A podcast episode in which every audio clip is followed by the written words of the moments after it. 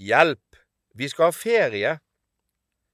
Midt i mai begynner det forhåpentligvis å bli varmt og godt i været, plantene spirer og sommeren er i anmarsj. Vi er mange som gleder oss til ferie, og forventningene kan være ulike. Gjøre noe annet enn det vi gjør til vanlig? Ikke gå på skole, ikke gå på arbeid, gjøre ingenting, sove lenge, nyte stillhet, oppleve nye ting, reise, endre døgnrytme. Plutselig skal jeg være sammen med mine nærmeste hele tiden, hele døgnet, i ukevis. Dette byr på utfordringer for de av oss som ikke er så vant til å tilbringe mer enn eh, lett stressede morgener, ettermiddagstimer og travle helger sammen.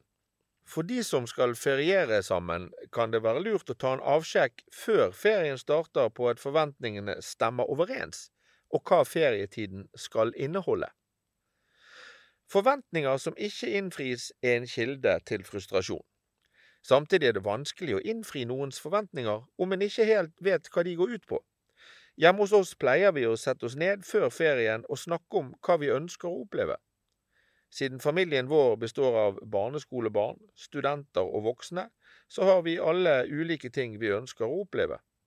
Skal vi for eksempel reise til London, er det ikke sikkert at studenten har lyst til å tilbringe halve dagen på Hamleys, verdens største lekebutikk. Og det er slettest ikke sikkert at barneskoleeleven synes det er spesielt spennende å sitte med noe kaldt å drikke i Covent Garden og se på folkelivet. Vi må ha en plan. Det er for seint å takle forventningene når dagen er kommet og alle trodde at det skulle bli annerledes.